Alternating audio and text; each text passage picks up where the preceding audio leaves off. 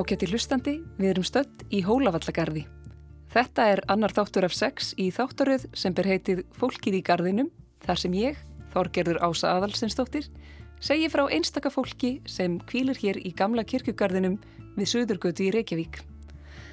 Margir eiga daglega leiðum þannan bráðum 200 ára gamla kirkugarð, til dæmis stitta sér þar leiði gegn eða koma hingað gaggjert til þess að njóta náttúrunar í þessum friðsala reit í borginni. En hver er saga fólksins á bakvið nöfnin á leggstjónunum sem svo margir lappa framhjá á hverjum degi?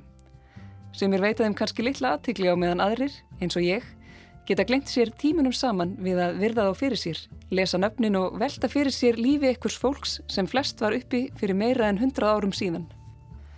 Í þessum þætti heimsækjum við feðgana og skáldin Sveinbjörn Egilson og Benedikt Gröndal. Fyrsti viðkomistæður okkar er leiði föðursins, Sveinbjörns Egilsonar, en það er staðsett suðaustan við kluknaportið í miðju garðsins, í röðinni sem er næst suðurgötu og sérst við nokkuð vel frá götunni. Reitsnúmerið er N525 en leiðin er auðþægt á nokkuð stórum ílöngum rúnasteini sem liggur yfir miðri gröfinni og var lengi vel eina kennileitið þess. Jón Árnason þjóðsagnasafnari og Sigurður Guðmundsson Málari áttu heiðurinn að því.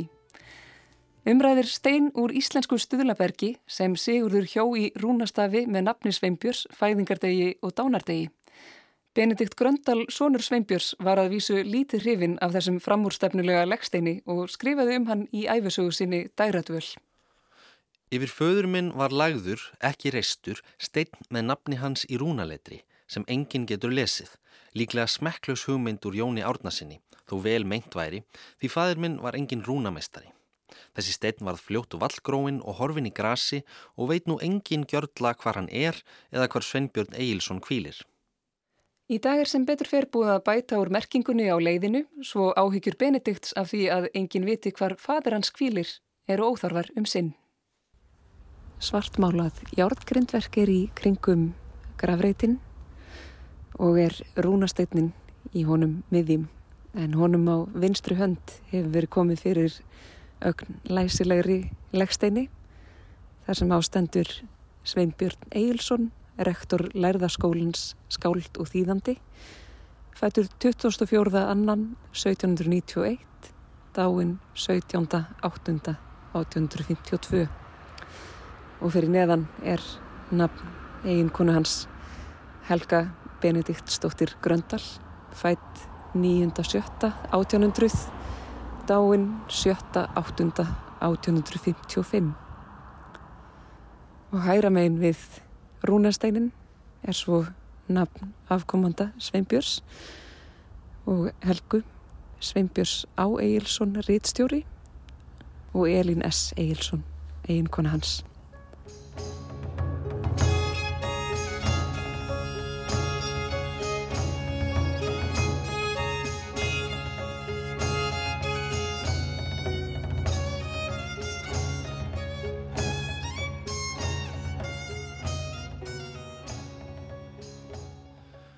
Dr. Sveinbjörn Eilsson var með minni meðalmönnum á hæð, grannvaksinn og holdskarpur alla æfi.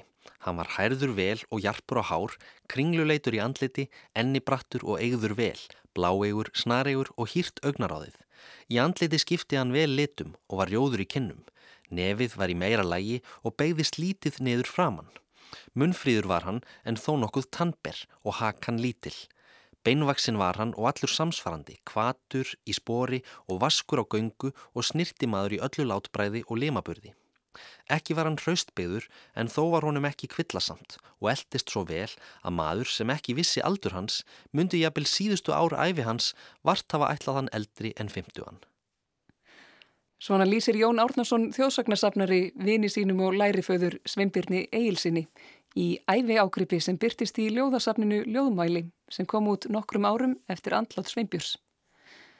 Sveinbjörn er þekktastur sem fyrsti rektor lærðaskólans í Reykjavík og fyrir þýðingar sínar úr latínu og grísku, meðal annars á kviðum Hómers, Iljónskviðu og Ótisefskviðu og svo auðvitað fyrir barnavísurna sínar sem hann samti flestar til Kristínar dóttur sínar, eins og til dæmis Kristín litla komtu hér og fljú á kvítu fyririldin. En við skulum byrja á byrjuninni.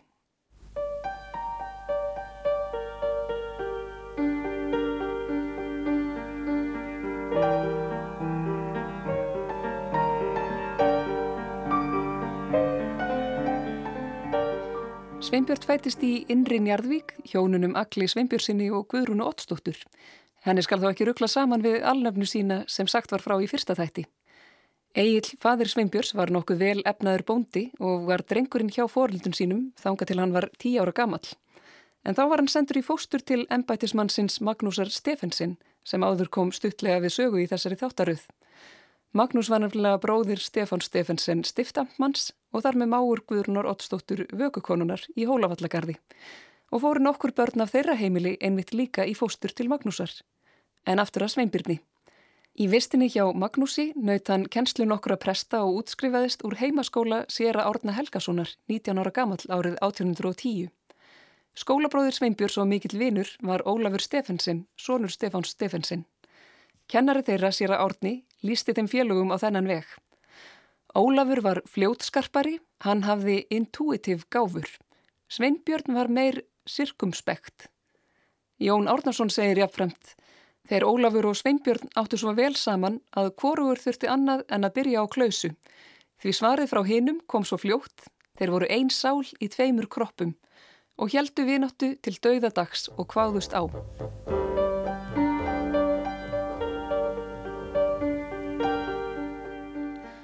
Eftir útskriftina úr heimaskólanum hugði Sveinbjörn á frekara nám í Kaupanahöfn en utanför hans tafðist vegna ófríðar í Evrópu Svo Sveinbjörn hjælt til á heimili Magnúsar Stefensen í fjögur ár í viðbót. Í Kaupmannahöfn nam hann svo heimsbyggi og guðfræði og tók embættispróf árið 1819. Sama ár hlaut hann stöðu aðjungt í Bessastadaskóla og sildi þá aftur heim til Íslands um vorið. Piparsveitin Sveinbjörn bjóð þá þrjá vetur, einn á Bessastöðum, en á sumrin dvaldan langtvölum hjá fóstra sínum Magnúsi Stefensen í Viðei. Þar sem hann kynntist tilvonandi eiginkonu sinni, Helgu Benediktsdóttur Gröndal, en fadir hennar var frekt skáld og yfirdómari. Helga hafði numið hannirðir í viði og mikil vinátt var millir hennar og þórunar dóttur Magnúsar Stefensen. Sveinbjörn og Helga gengu í hjónaband 20. júni 1823. Þau byggu á bestastöðum í 13 ár en fluttu svo yfir að eyvindarstöðum á Áltanesi. Áfram þurfti Sveinbjörn þó að fara til Bessastæða til að sinna kennslu en Benedikt Gröndal lýsir því að leiðin þangað hafi oft verið erfið og því hafi fadir hans brúðið á það ráð að sveipla sér eins og stangastökkvari yfir torfærur. Hann hafði langan brottstaf og var svo léttur að hann hendi sig á honum yfir breyðar grafir og dí, skrifar Benedikt. Lýsing Benedikts á föður sínum varð setna Þórarni Eldjárn innblástur í ljóðum Sveinbjörn Egilson sem Gilvi Gunnarsson í hljómsutinni Þokkabót síðar tónsetti. Gaman er að stökk á stöng, ef stöngin þín er nógu laung. Sveinbjörn átti stökk og stökkan stökk og flögum loftin dökk. Að morgni dags á myrkun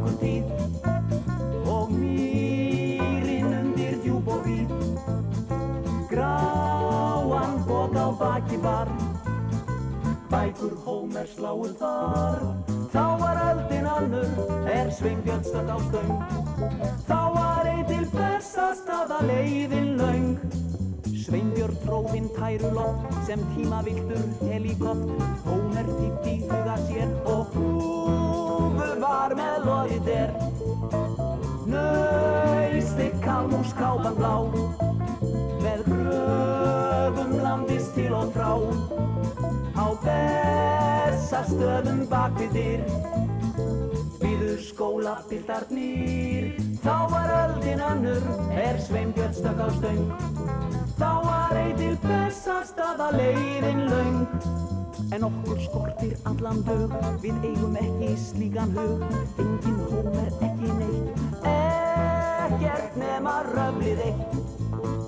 Mat fóð og stökk við á stöng.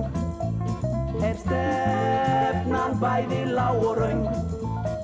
Staðreindin er sem sagt svo að Sveinbjörn heitir Valbjörn nú. Þá var öldin annur, er Sveinbjörn stökk á stöng. Þá var einn til bestastaða leiðin laung. Já, þá var öldin annur, er Sveinbjörn stökk á stöng. Þá var einn til bestastaða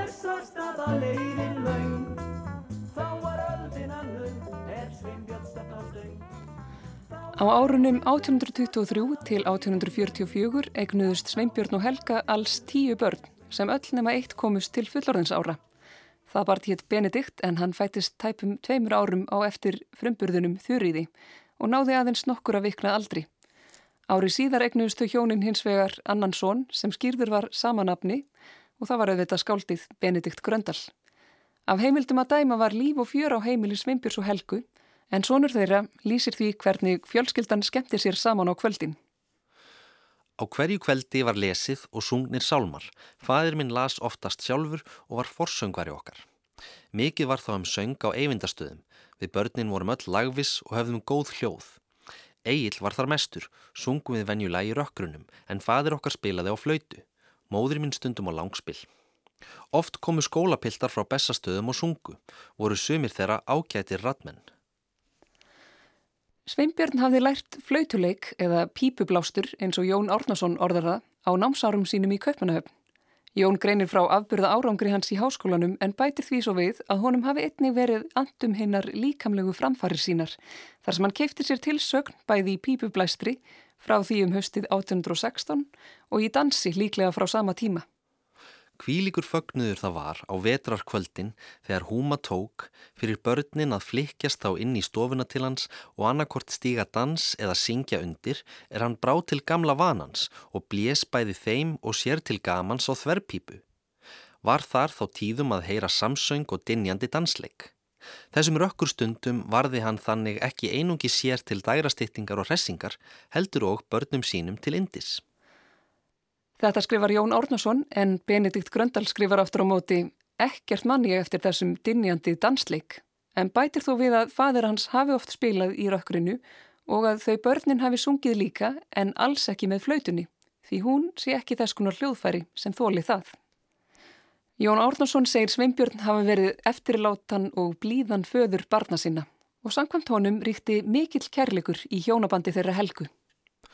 Hann virti og elskaði konu sína innilega, en eins innilega elskaði og virti hún mannsinn og því var sambúð þeirra hjóna hinn ástúðlegasta. Eftir lokin störf, þar sem allt var þá orðið hljótt í húsi hans, þá kvildi hann hugan og svalaði hjarta sínu á lærdómsríkum og elskulegum samræðum við konu sína. Þrávalt las hann henni það sem hann var að rita og semja, gerði hann það bæði henni til skemmtunar og svo til þess að heyra álit hennar um það. Því bæði var það að þar gatt hann átt von á hreinskilnum og þó undir eins græskuleusum dómi sem hún var og annað það að hún bar gott skinn á allt fagurt og fann fljótt það er vel átti við í kvívetna. Þessara samræðina myndist frúin Sáluga tíðum grátandi eftir fráfall hans og hvaðst þá sárast kenna harma sinna, saknaðar og einstæðingskapar því þá vantaði hana alla þá alúð blíðskap og huggun eftir andstreymið á dægin, er hún hafið svo lengi og stöðugt að notið á meðan hann livði. Hann var mikill reglumadur og Jón segir hann yðurlega hafa farið á fætur milli 5 og halv 6 á mornana nefn hann veri veikur eða ófrískur eins og Jón orðarða. Og hann skrifaði eða las frá morgni til kvölds allt fram til klukkan tíu en þá var komið að áður nefndum samtölum hans við eiginkonu sína. Sveinbjörn var einstaklega vel að sér í tungumálum eftir hann leikja ótal þýðingar úr latínu, grísku og hebresku og hann orti líka á latínu. Hann var þó hóvar en í brefi einu til konu sinnar þegar hann var á ferðalagi í Danmörku segir hann frá því að danskur maður hafi spurt hann hvort hann hafi ekki orrt fallegu latínsku versin um engelstoft og fullir þurr í framhaldi að því að Sveinbjörn kunni víst að tala mörg tungumál. En við því sagðist Sveinbjörn ekki kunna tala nema íslensku.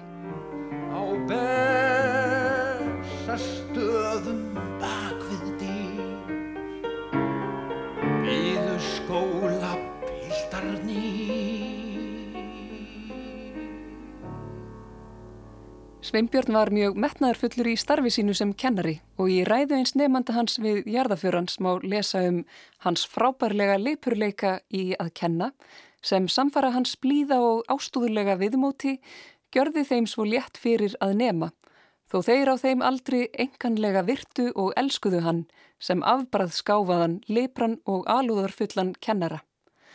Hann gengdi stöðu undirkennara við Bessastadaskóla í 27 ár og síðan stöðu rektors í fimm ár eftir að skólinn var fluttur til Reykjavíkur. Hér verður þó ekki hjá því komist að minnast á pereatið svokallaða. Í janúar 1850 gerðu skólapiltar lærðaskólans uppreist gegn rektor og öllum kennurum skólans. Aðdragandin var sá að Sveinbjörn vildi skikka þá til að gangi í bindindisfélag og banna skólapiltunum að koma saman án þess að kennarar væru viðstatir.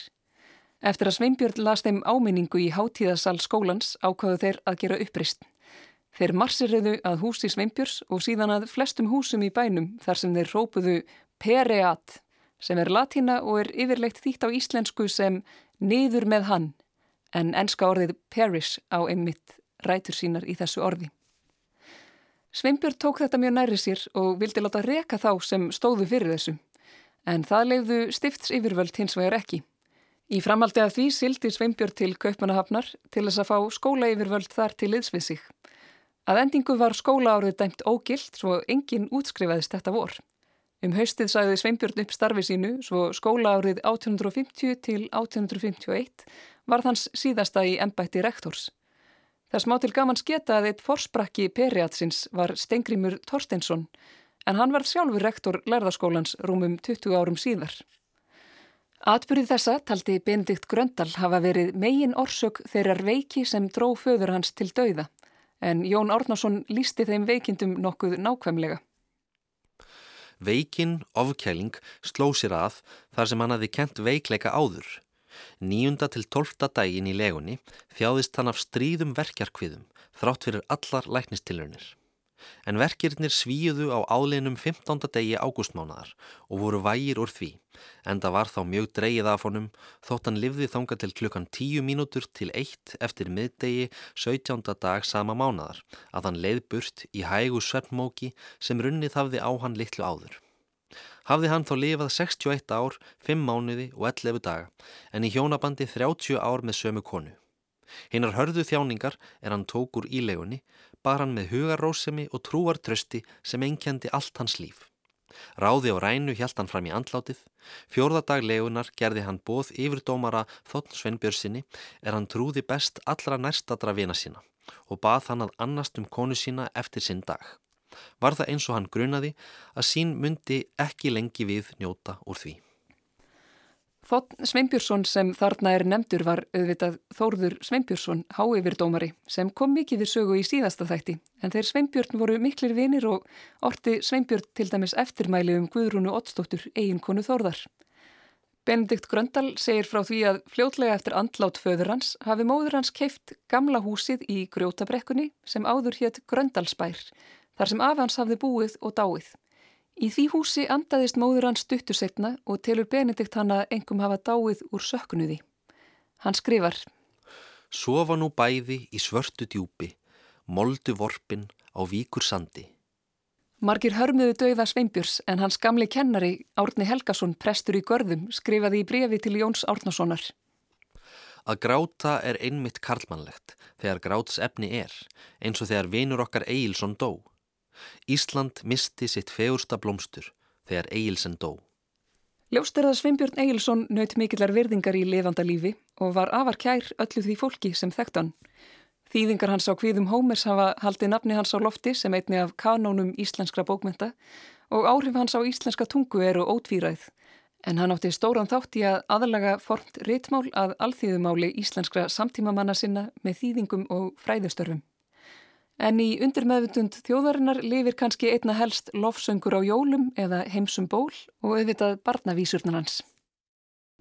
Fljúa kvítu fyririldin fyrir utan glöka Þarna siglir einhverjinn og vel lítil duka Þá var aldinn annur er Sveinbjörn stakk á stöng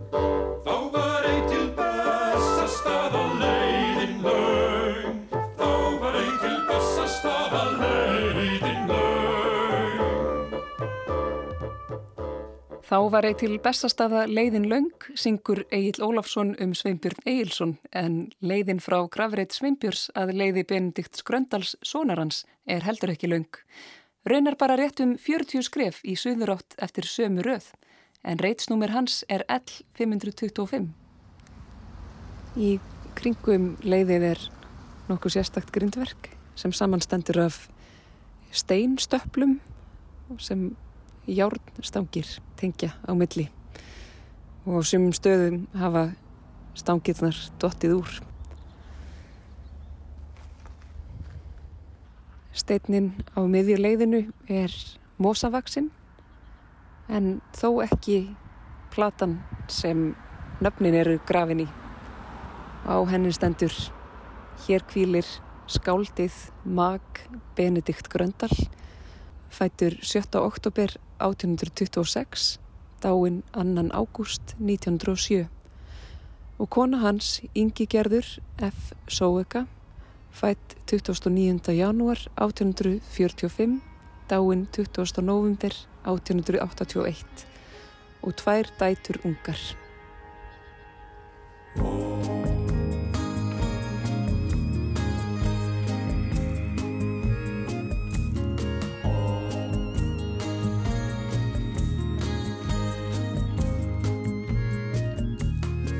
Ég nenn ekki alltaf að lesa. Ég nenn ekki alltaf að skrifa. Ég nenn ekki alltaf að mála. Hverju nenni ég þá? Ég nenn ekki alltaf að lesa. Ég nenn ekki alltaf að skrifa. Ég nenn ekki alltaf að mála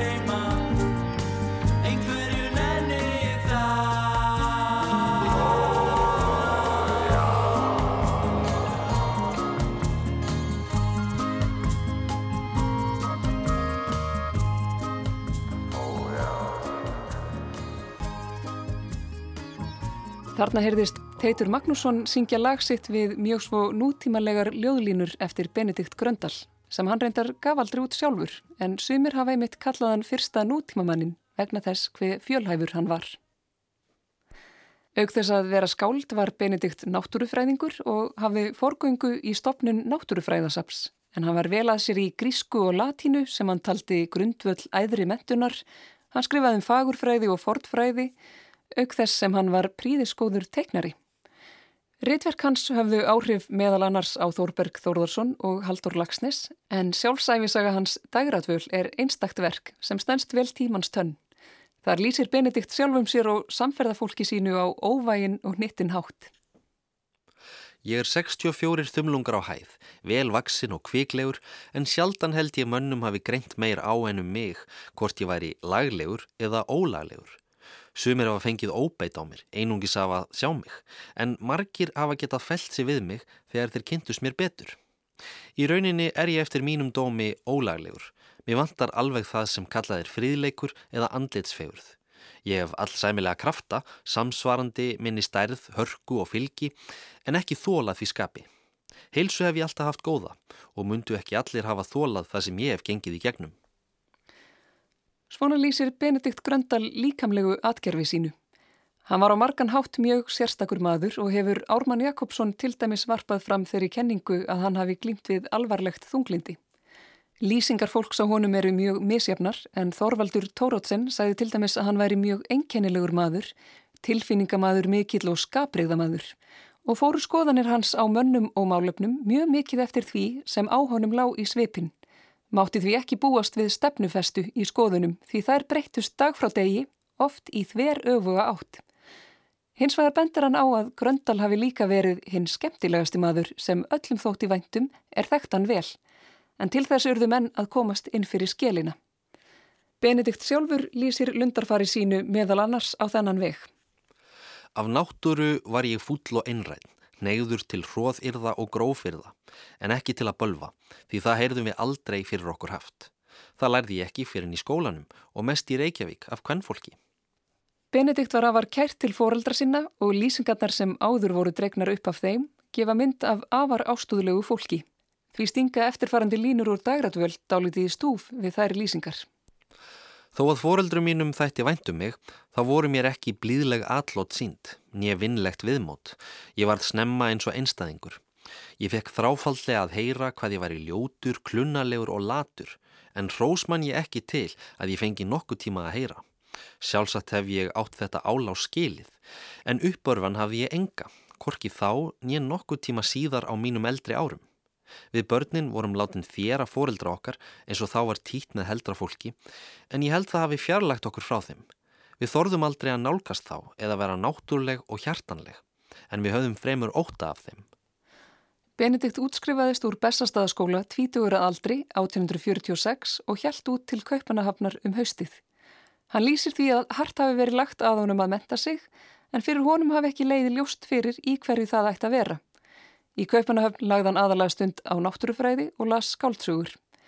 Fljótlega fór þú að bera á nokkrum drikkjuskap hjá honum og hann lauk ekki prófi. Þarna var í rauninni villulíf. Við lágum allir á gólfinu og allt í óreglu, skrifar hann, en síðar kom að því að Sveinbjörn fadur hans kom og borgaði skuldir hans og tók hann með sér heim. En þetta var í sömu ferð og Sveinbjörn fór vegna periatsins. Fadur minn let enga óánægu í ljósi yfir mér, þótt ég ekkert hefði gjört til að ná neinu embætisprófi. Hann var jafn ljúfur og góður sem hann var vanur og þó átti ég í rauninni ávítur skilið. En hann let mig aldrei heyra heið minsta þykju orð. Á árunum 1850 til 1857 fjagst Benedikt við Ími störf, aðalega reittstörf og kennslu, en um stöðuga atvinnu var ekki að tala, segir hann, og bætir við að honum hefði líklega leiðist að vera reittþræll eða eins og vinnumadur. Á þessum áru mistan svo báða fóreldra sína og það slittnaði upp úr tveimur trúlofunum hjá honum. Svo endanum vild hann komast af landi burt því eins og hann orðaði það var hann orðin sundur tættur af sorg og eind. Hann átti ekki fyrir fargjaldinu en vinir hans lögði í púk fyrir því. Hann dvaldi Erlendis næstu 17 árin þar sem hann ferðaðist meðal annars um Þískaland með rústneskum fyrsta og dvaldi í klöstri rétt hjá landamærum Belgíu. Þar fekk hann kvíld frá drikkjuskapnum sem annars fylgdunum svo gjarnan og hann tók líka katholska trú. Trúarjáttningin virðist þó frekar hafa verið ekkurs konar laun fyrir dölina í klaustrinu. Þetta var allt með kulda og deyfið. Þeir hlutu að finna að mér vantaði alla sannfæringu og allan hita og þegar þetta loksins varð þá var það svo óseremónialt og prívat sem hugsast gatt. Ég lagði hönd á bók, biblíuna og lofaði einhverju sem ég strax glemdi en sæði við Guð, þú veist að ég geri þetta nauður. Að lokum snýr hann aftur til Kaupanahafnar og tók magisterpróf í norrænum fræðum. Síðan skrifaði hann doktorsritgerðum skáld Haraldar Hárfagra sem því meður var dæmt óhæf, svo Benedikt fekk enga doktorsnabbút.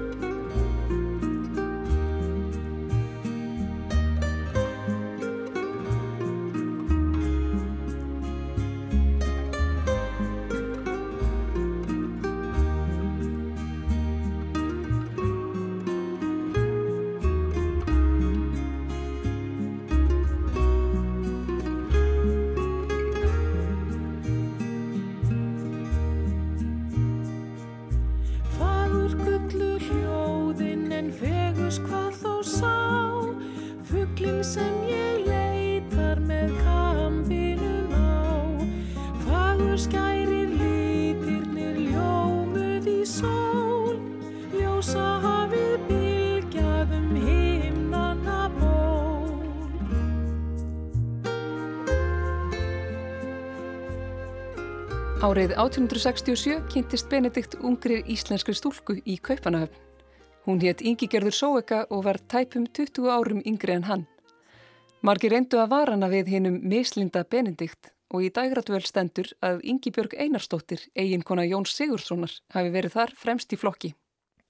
Óðar en Ingibjörg fekk að heyra þessa trúlóan þá byrjaði um mig sá dómadags rógur og bakmælgi að ég var í korki hæfur nýja kirkjugræfur og hefði ekkert við konu að gera.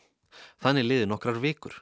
Íslandingar eða allur sá flokkur sem var vanur að heimsækja Jón fylgdu þessum látum, fyrirlitu okkur og engin óskaði okkur til lukku nýja myndist á þetta. Þetta dögðu þó ekki til að rekja hérna ungu yngigerði á brott, heldur sigraði ástinn og þau gengu í hjónaband fjórum árum síðar, þegar Benedikt var 45 ára og yngigerður 26 ára. Í íbúð þeirra hjóna við Lukkuholmsvæ fættist svo fyrsta barn þeirra í júni 1873. Dóttir sem nefnd var Magdalena Þurriður. Þessi ár segir Benedikt hafa verið lukkulegustu ár hans í Kaupanahöfn. Ég hafði all viðunanlega atvinnu og við gerðum ekki háar kröfur til lífsins, skrifar hann. Lætin út af okkur voru hætt og ímsir Íslendingar voru farnir að koma til okkar. Berðu þig að una þér bensa við hlið, þó betra sé margt með dýrlegra snið. Vertu mín lilja og vertu mín rós, vertu mitt einasta blessaða ljós. Hér herist brot úr einu af mörgum ljóðum sem Benedikt hvað ástkæri eiginkonu sinni. Árið 1874 flutti litla fjölskyldan heim til Íslands þar sem Benedikt hafði fengið kennarastöðu við lærðaskólan. Ári síðar fættist þeim önnurdóttir sem hlaut nafnið Helga. En 1876 lést eldri dóttir þeirra Magdalena, fára ára gömul. Fjórum árum á eftir Helgu fættist þeim önnurdóttir sem einnig var nefnd Magdalena Þurriður eftir hinni fyrri en nafnið vildi ekki lánast, skrifar Benedikt, því súdóttir lést tæpu ári síðar. Árið 1881 fluttu Benedikt Ingigerður og Helga dóttir þeirra í nýtt hús að Þingoltstræti 27 sem Benedikt hafði látið byggja þeim en aðeins örfa á mánuðum eftir flutningana lést Ingigerður kona hans. Reysugildi mikið var haldinn þann 16. júli 1881 og gekk þá all vel. En konan mín var alltaf lasin og tók ekki á heilli sér og við vorum varla flutt í húsið fyrir hún andaðist þar, 19. november 1881. Þá byrjuðu aðrir dagar. Líkt og gefur að skilja reyndist fráfall yngigerðar Benedikt mjög þungbært og var það þess valdandi að hann misti smámsamann fótana. Mitt gamla villulíf vaknaði aftur, skrifar hann, og segist ekkert hafa við sig ráðið. Mér leittist heima. Þar var ekkert sem dró mig að sér. Ég var á sífældum erli niður í bæ. Það var í rauninni miklu fremur óþreja og leiði heldur en drikkjuskapur. Tveimur árum síðar var Benedikt sagt upp í vinnunni í lærðaskólanum vegna óreglu. Eftir það fjagst hann við ímis tilfallandi störf eins og að yrkja að beðni fólks og að skrautrita. Atiklisvert er að í dagratvöl minnist Benedikt hvergi á ástarsamband sem hann átti í nokkru eftir andlát Ingibergar. Það var við Þorbjörgu Svinsdóttur sem var einn helsta baráttukona fyrir kvenréttindum á þessum tíma. Þau voru í sambúðum tíma en slitu samvistir vorið 1884. Síðustu æfi árin bjó Benedikt í húsi við Vesturgötu 16 sem nýlega hefur verið gert upp og flutti í Fyrsersund þar sem það þjónar hlutverki menningarhús. Á þessum síðustu árum fjagst Benedikt aðalega við náttúruransóknir, auk skrifta, en hann sást gerðnan niður í fjöru íklætur sérstökum sjóklæðinaði þar sem hann sapnaði allskinn sínum til rannsókna. Einning málaðan margar myndir mest af fugglum og er sagt að hann hafi sest við tekniborðið um leið og hann vaknaði á mornana, sem var yðurlega fyrir allar aldir. Þó Benedikt hafi sjaldan notið hæfileika sinna og oft fundist sem allir væri á mótónum, nautan þó töluverðar hilli í lifanda lífi. Áttræðisamveli hans er ákættist dæmi um það en haldið var upp á það með svo mikill viðhöfn að það gæti varðla hafa farið fram hjá nokkrum einasta bæjarbúa á þeim tíma. Það kom fyrir mér 1906 viðbörðu sem ég er ákvæmlega minnistöður og fannst stórkoslegur. Það var þegar ég sá Bendit Gröndal áttræðan taka móti blís fyrir stúdenda.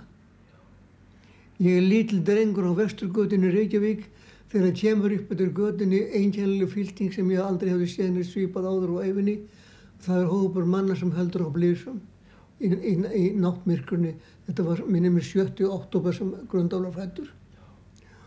Og þarna gengur þessi skrúðganga með blísum á lofti upp eftir götunni og staðnæmis fyrir ofan við gardinn sem er fyrir fram að lítið hús á vesturgötunni og fram á tröppurnar stígur, öldungur með lágvaksinn, magur, enni mikill, bendið gröndal og stúdendar flytja honum söng og afhenda honum einhver skrautritað ávarp, hverju ávarp og svo er aftur sungið og svo kastast stúdendarnir allan, allir blísunum í bálköst í, í, í kálgarðin fyrir framann þá voru nú ekki um lengungu kálgarðar túmblettur og kálgarðar við húsmanna í Reykjavík. Og þeir kasta öllum blísunum í hrúu og þar verður mikil, mikil bál og það standa hér við bálið og, og, og, og gamli gröndal á, á trappunum sínum og þessi viðbörð og þarna, þarna er ég nýjára gammal og þá fæ ég að vita það hvað eiginlega stendur til að þetta er þjóðskál sem verður að hylla og, og ég býst nú við að þá hafi orðið þjóðskál eiginlega fyrst komist inn í huga minn og þetta fannst mér verið eitthvað stórskálslegt að vera þetta var einu næst ég að vera konungur að vera þjóðskáld. Þarna heyrðist í Kristjáni Albertsinni Rittufundi en upptakan er frá árinu 1985 úr viðtali sem Pétur Pétursson átti við hann. Benedikt Gröndal lést 81 árs að aldri í ágúst 1907. Sagt er að Þorvaldur Tórótsin hafi litið til hans tveimur eða þremur dögum fyrir andlátið og spurt hvernig honum liði. Ég get ekki gengið og ekki andað, sagði Gröndal, en annars líður mér vel.